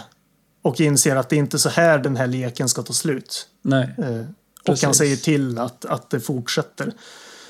Men det, Eh, det, det första exemplet på det kommer ju direkt efter det här för att eh, Howell tar sig ju till den här dinern ja, där Jennifer Jason Lee, Lees karaktär jobbar och eh, knackar på där och säger att han måste få låna telefonen, han måste ringa polisen. Mm. Och eh, hon lagar mat till honom eh, Eh, och med, så sitter han och käkar. Det är så här pommes frites och eh, hamburgare. Och han tycker han hör något ljud, konstiga ljud utifrån köket så han sitter och liksom väldigt eftertänksamt och, och fokuserat äter de här eh, pommes fritesen utan att eh, liksom, se vad han stoppar i munnen. Och så plötsligt så plockar han upp ett, ett avhugget finger från den här tallriken. Och då är det alltså Rutger Hauer som på något, liksom, något sätt lyckats ta sig in i köket och lägga ett avhugget finger på hans pommes frites-tallrik. mm, Eh, och det finns ju inget rim och reson i att han skulle kunna ha gjort det om han var en människa av kött och blod. Liksom. mm. Eh, Nej. och sen direkt efter det så blir eh, Howell tagen av polisen för de tror att det är han som ligger bakom alla de här vägmorden. Han tas till eh, eh, polishäktet eh, där han får övernatta och sen när han vaknar dagen efter så upptäcker han att hans celldörr är upplåst och han går ut i polishuset så är alla döda. Och då, Ja. då har den här vålnaden eller monstret varit där och mördat alla medan han har legat och sovit i sin cell. Och det får man aldrig reda på hur fan han lyckas med det heller. Så absolut, Nej, det, nej. det är ju han... eh, Om man tittar på vad som faktiskt händer och vad den här karaktären faktiskt gör i filmen så är det mer troligt att han är någon slags spöke eller demon snarare än en människa. Ja, Men- och Men jag den är tycker ju att... gjord på ett sånt sätt så att det är öppet för tolkning. Ja, precis. Och det är det som jag tycker är så bra. Och att man... Det som i en slasherfilm bara är en del av genren, att mördaren kan teleporteras. Gör man någonting av här Ja, på ett sätt som, som inte bara känns som slappt filmskapande utan att det finns eh, alltså, riktiga tolkningar för varför det här sker som det gör. mm, Det finns någon symbolik som jag inte, inte har satt mig in i i den här scenen på Diner när han lägger mynt på C. Thomas Howells ögon och går därifrån och lämnar kulorna hos honom. Eh, ja eh, precis. För att Howell frågar ju honom så här, why are, you, why are you doing this to me? Och Rutger Hauer svarar, you're a smart kid, you figure it out. Och sen lägger han två mynt på hans ögon. ja, Ehm, Men de här mynten, alltså det kan ju symbolisera olika saker men, men det har ju med död att göra. Eh, dels kan det ju vara ett, alltså vid, vid en begravningsrit i olika Mm. eh, kulturer eller genom historien så kan de här mynten ju vara till för att betala vad säger man? Eh, the ferryman. Alltså, ja, precis. För det är väl med floden Styx också att man ha Ja, med sitt mynt för att kunna åka över och så vidare. Ja, Så dels det, men det kan ju också vara ett sätt för honom att utan att säga det ändå säga till Howell att eh, du är redan död. Liksom. ja, Antingen det, eller så kan det vara att han med de här mynten säger till honom att jag vill att du dödar mig. ja, Men genom att han inte faktiskt använder ord utan bara säger sin mening genom att lägga mynten på hans ögon så blir det också öppet för tolkning. Jag tycker Mm. det är så jävla snyggt. Liksom. ja, precis. Men det, det är också snyggt i det här för det, vändningen kommer ju precis där i polisstationen när han släpper ut honom då. Mm, Eh, mm. Men, och allt han gör gör han ju också för att framea C. Thomas Howell. Ja, Att det hela tiden, han, han gör det hela tiden på sätt som gör att, att det är C. Thomas Howell som är seriemördaren mm. eh, i polisens ögon. Eh, en annan viktig detalj är ju att när de möts på den här dinern och eh, han lägger de här mynten på hans ögon så ger han ju också en näve kulor till Ja. pistolen. Så han ser ju till att, eh, att C. Thomas Howell har ett skarpladdat vapen. Det är även efter, efter det här som... Eh, och det här är just det med, med när som att han märker att en räddning finns i sikte. Jag vet inte om du, du har någon, någon punkt in emellan här, men han blir ju upplockad av polisen, C. Thomas Howell. Eh, det, eller när då menar du? Ja, det kommer ju, jag minns inte hur långt, det, det kan nog... För nu ska vi se, efter han har blivit utsläppt. Efter den här dinern så hoppar han på bussen där han träffar Ja, Nash igen. Just det, precis. Ehm, och bussen blir sen stannad av eh, polisen. Och eh, de är ju nära att eh, mörda honom. Liksom, för de Mm. tänker att ja, men han har haft ihjäl våra kollegor. Han har liksom gått bärsärk längs den här ökenvägen. Han förtjänar att dö. Ja, den här Men- polisen kör ju, kör ju den här, du har spottat på min handled, torka Ja, bort det. Precis. Så, Eh, och Jennifer Jason Lee då, Nash kommer till hans räddning. Och sen Mm. flyr de två tillsammans. Så det är efter där den här polisjaktscenen kommer.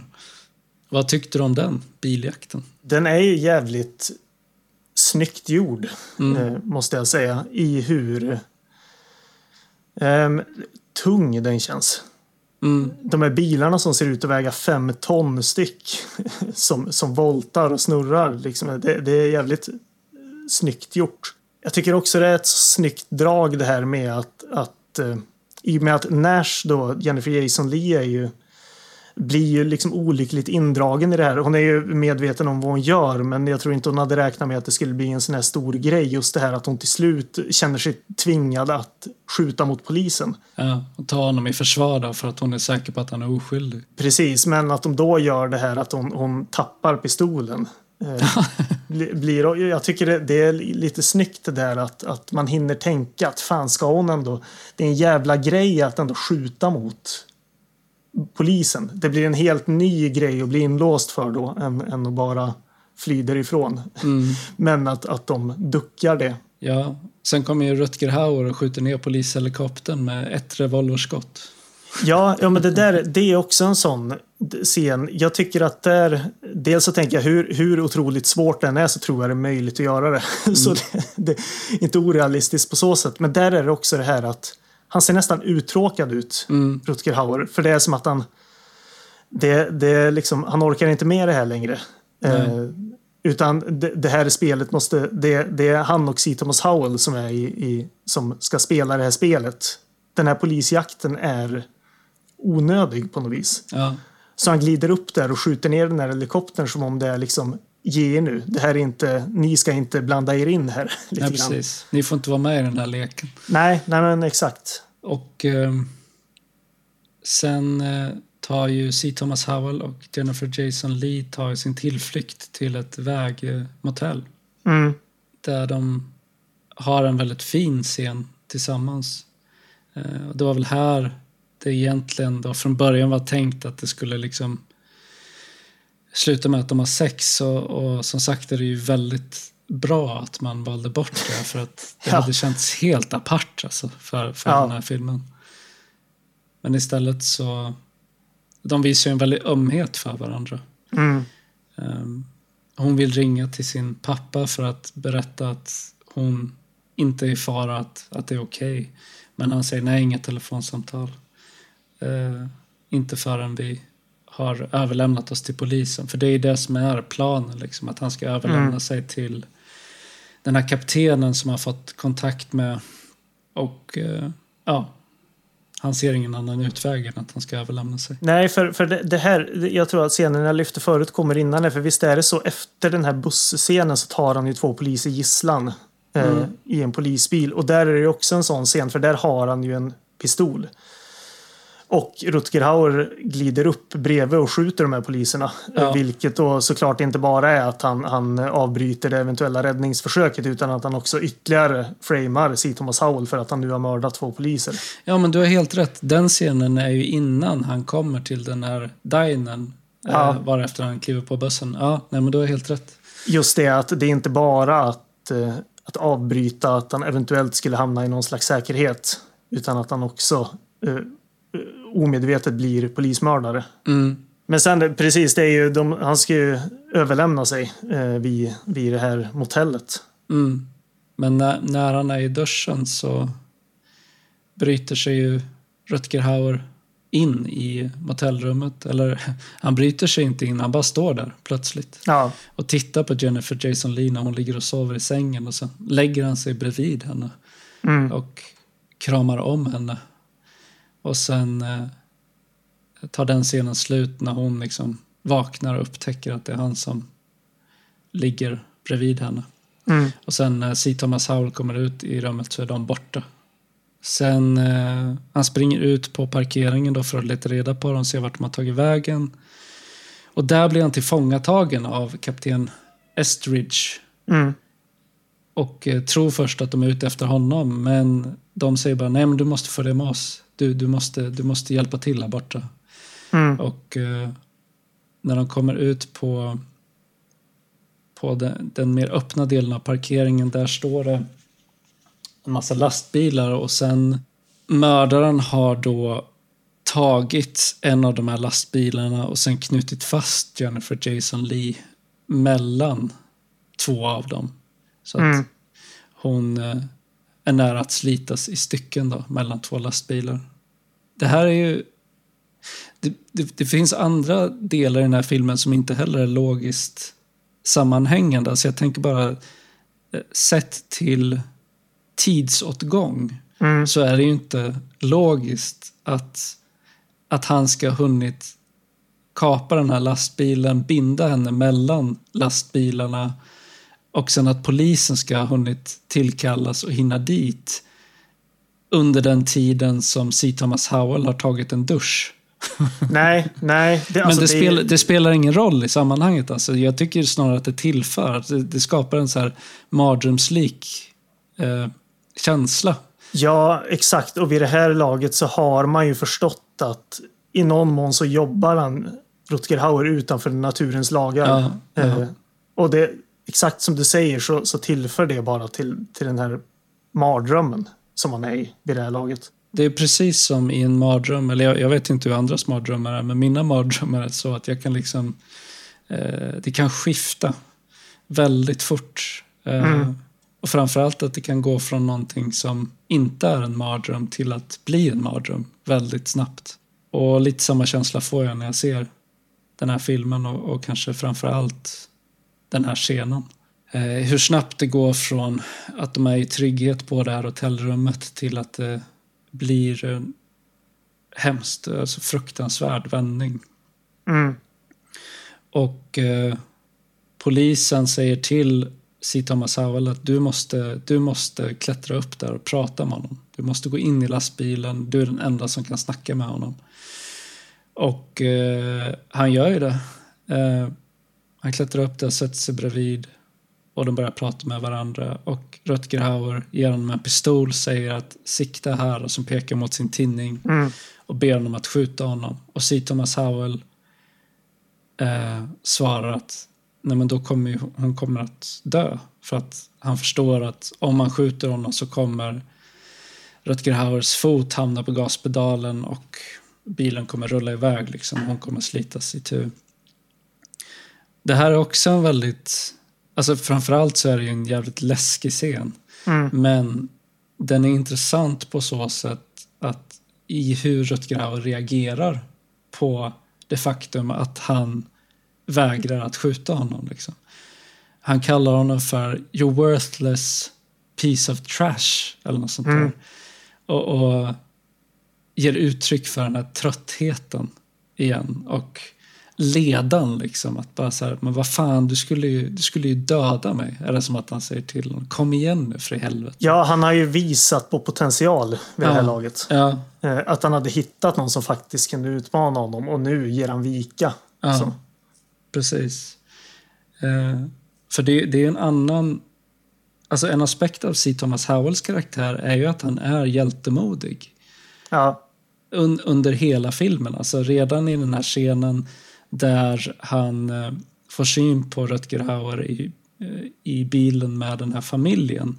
Alltså han, hans instinktiva reaktion är att försöka rädda dem snarare än att bry sig om sin egen säkerhet. Mm. Och så är det ju genom hela filmen. Samma sak när han klättrar in i lastbilen för att eh, konfronteras med Rutger Hauer för att rädda Jennifer Jason Lee. Mm. Vilket han ju inte lyckas göra då.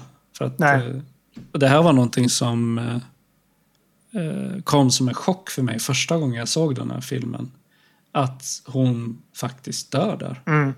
Ännu en av de här scenerna som är eh, otroligt brutala i filmen i sin implikation, men man får inte se någonting. Nej. Vad jag också tycker är fint härifrån i någon mån är att eller fint, det förstärker egentligen den här mardrömskänslan. Det är att polisen härifrån, de är i någon mån lite liksom ömma mot C. Thomas Howell för de fattar Mm. ju vad han har blivit indragen i.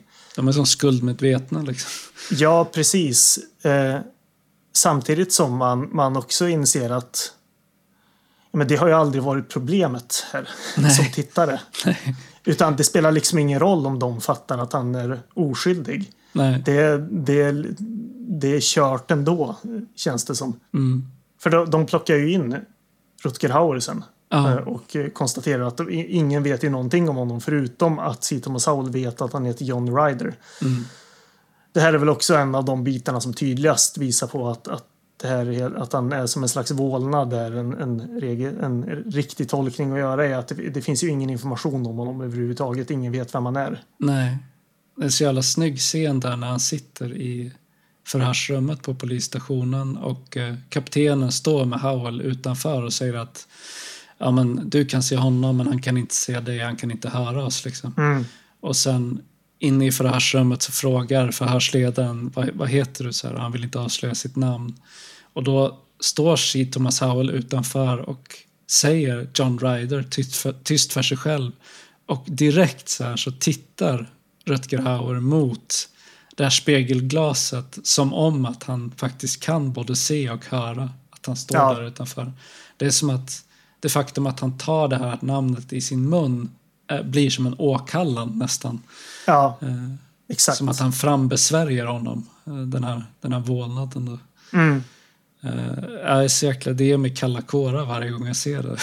Ja, verkligen. Det är som att han är Rutger Hauer alltså. Han är ointresserad av allt här förutom C. Thomas Howell. ja, Och direkt han nämner hans namn så är det som att han förstår att det, det, det, här, är fort, det här pågår fortfarande. mm, Eh, Det som, som någon av poliserna säger också det är att han, han fattar inte vad de har för kontakt men något, något är det som pågår här.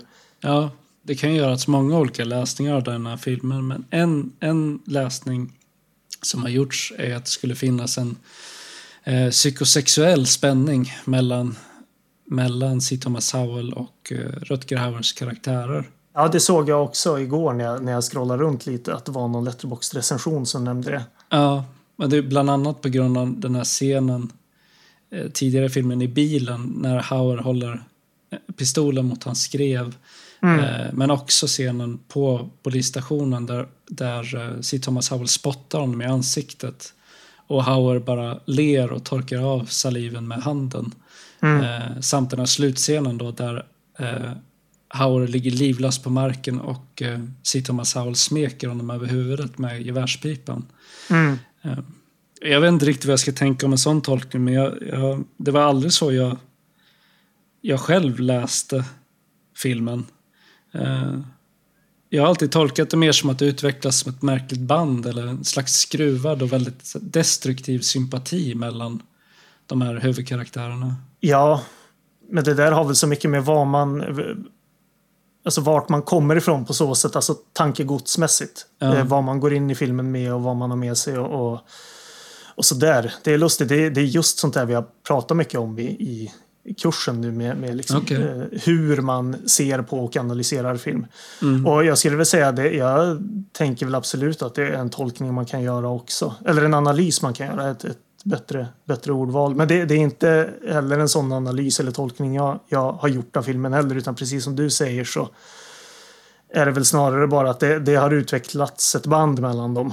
Eh, Mm. Som är svårt att förstå, men, men eh, det är uppenbart att eh, de båda är, eller att C. Thomas Howell är för alltid förändrad av det här. Ja, eh, jag, jag tänkte komma in nu på eh, om, om det finns någonting jag kan kritisera med den här filmen. Mm.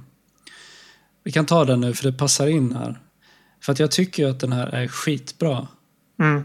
Men eh, en sak som jag alltid har stört mig lite på är att man aldrig får reda på tillräckligt mycket om karaktären Jim Halsey, alltså. Thomas Howells karaktär, för att kunna väga honom mot John Ryder.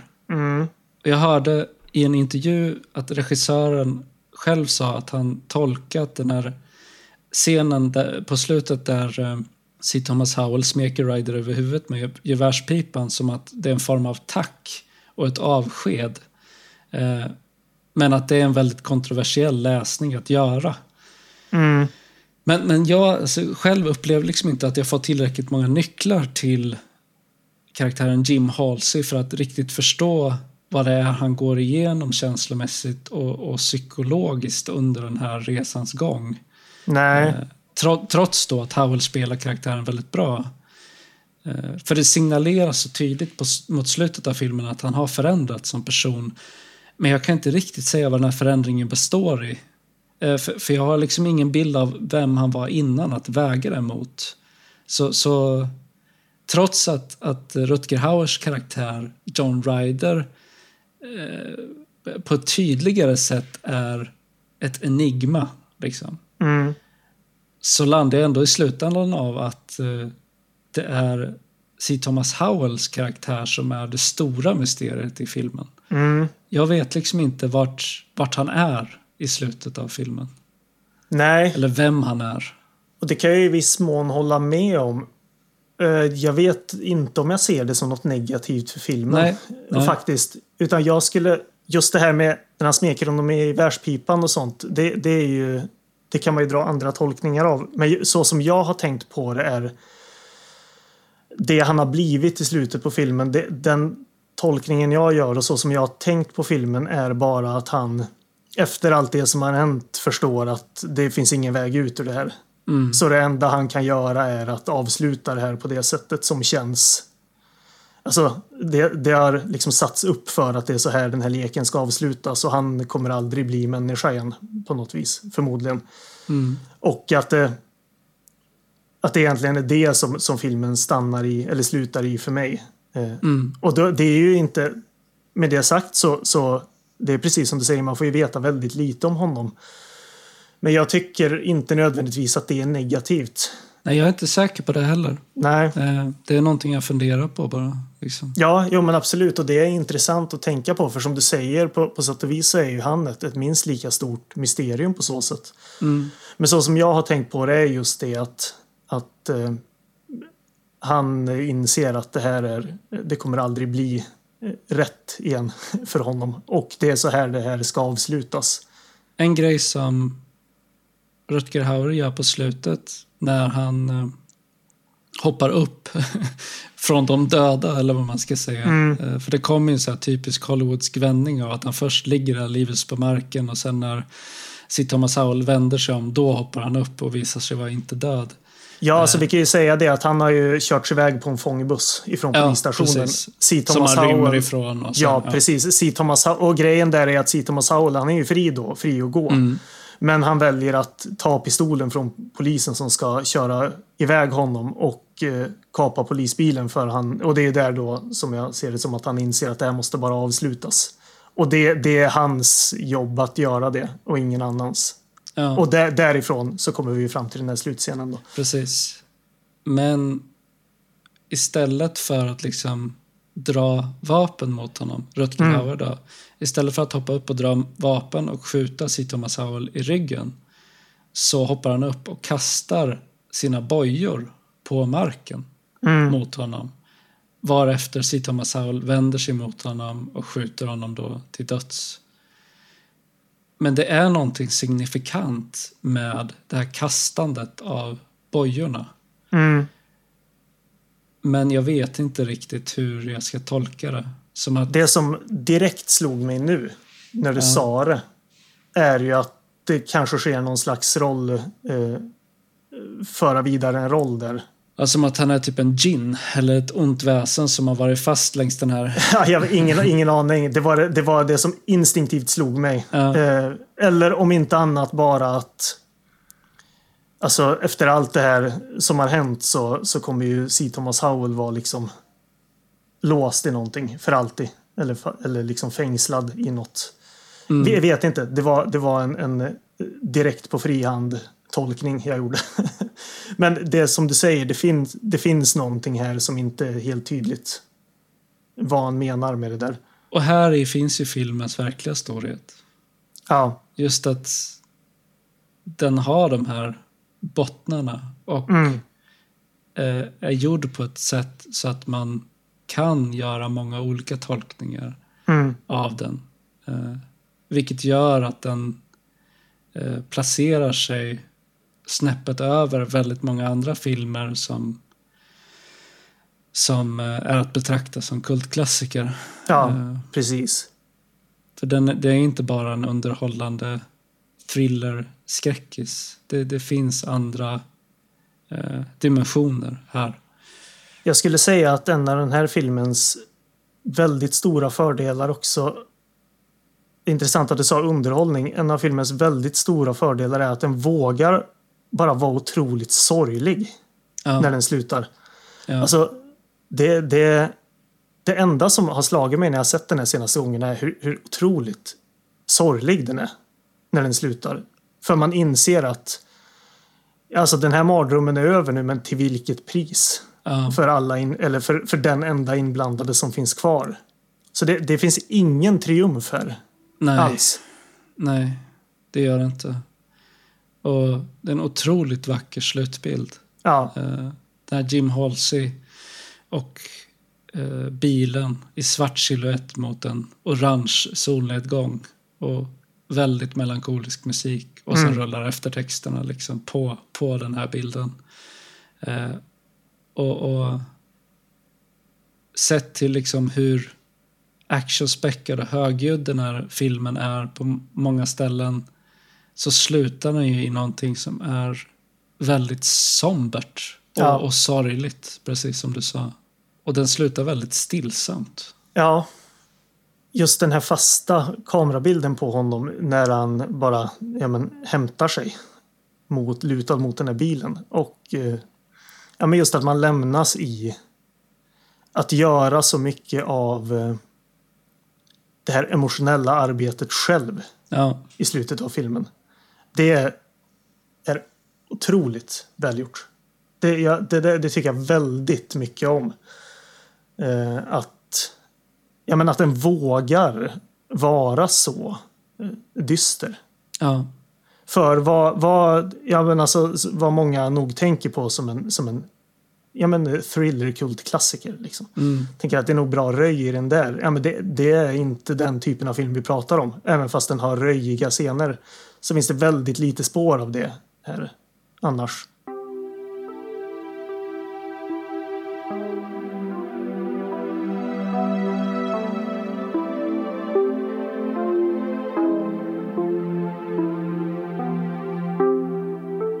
Om jag ska ta mitt slutgiltiga omdöme på så sätt då, så är det väl att jag, jag älskar att den här på ett väldigt elegant sätt är så elak och, och rent sadistisk på sina ställen. Men på ett väldigt elegant sätt. Och att den slutar i det här i den här sorgen är Mm. liksom är den här filmens absoluta storhet skulle jag säga. Tillsammans med de här två fantastiska huvudrollerna. ja, tre fantastiska överroller. Ja, ja, tre, precis. Eh, Det är så lätt att tänka på det här paret som... Men, men Jennifer Jason Leigh har ju en, en väldigt stor och viktig roll. ja. Men hon är inte med i, i jättemånga scener. Nej, nej, precis. Nej, men skitbra film som alla borde se och som framförallt borde lyftas fram som, som en riktig klassiker. Inte bara när det gäller genrefilm utan överhuvudtaget. Den, det finns mycket att, att hämta i den här filmen och mycket att tänka på och framförallt eh, så är det ju en eh, psykologisk thriller slash skräckfilm eh, som får en att känna saker. Och det är inte, hör inte till vanligheterna. Nej, att man ska tänka på den här filmen som något som höjs över dess eh, genremässiga eh, hemtrakter. Det är Ja. inte så snyggt uttryckt.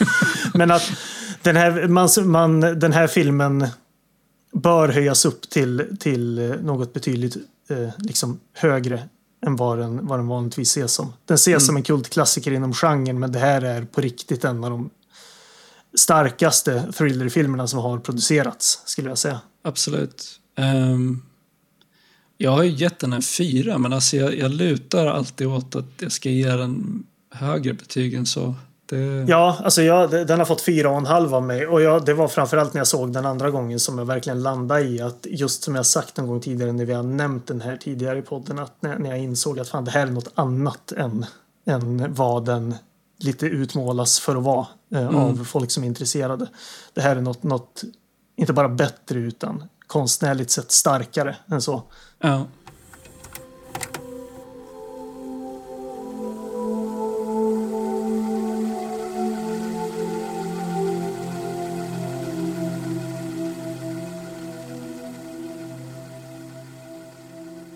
Vad ska vi prata om i nästa avsnitt? Vi har väl bestämt en av filmerna.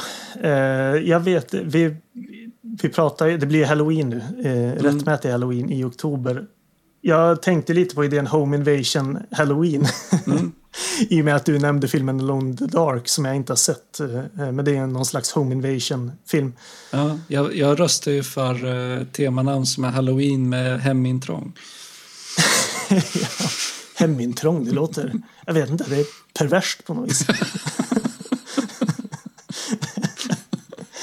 Eh, ja, när jag har sökt efter Home Inv- Det finns en mängd Home Invasion-filmer som, som alla som gillar skräckfilmer är medvetna om. Men jag har inte hittat något som jag ser som, eh, som eh, alltså, eh, lite mer så left field eller lite bortglömt. Man har ju de här House at the Edge of the Park och sådana här Home Invasion-klassiker i någon mån. Men jag har lite... har- Alltså, Du hade ju en film på förslag, hade du inte det? Ja, men spanska kidnapped. Jag vet inte. Jag är inte, inte jättesugen på den. Jag tänkte att jag ska börja kika lite på Siege-filmer också, för jag tycker att det finns en möjlighet att se en Siege-filmer, alltså tänk Prince of Darkness och så vidare, som också en slags home invasion. Om man ska se home som det familjära. Eh, och en, en tillflyktsort. Så är det, vi, vi har inte bestämt film nummer två, men, men det kommer bli på det temat i alla fall. Ja, men då tycker jag vi kör på Alone in the Dark som första film. Mm. Så om eh, två veckor så pratar vi om Alone in the Dark från 1982. Men eh, vi hörs igen om två veckor. då. Det gör vi. Tack för idag. Ha det bra. Ha det bra. Hej då.